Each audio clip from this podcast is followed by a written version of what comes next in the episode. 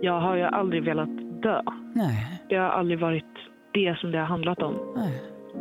I Sverige ökar den psykiska ohälsan, framförallt bland unga. Fler och fler mår helt enkelt riktigt dåligt.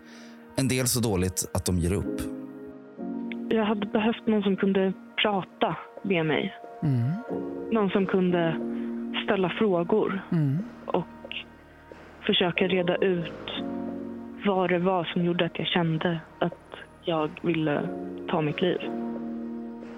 Nu släpper vi på Mindpodden På liv och död där psykiatern Ulla-Karin Nyberg pratar med människor som på olika sätt levt nära självmord.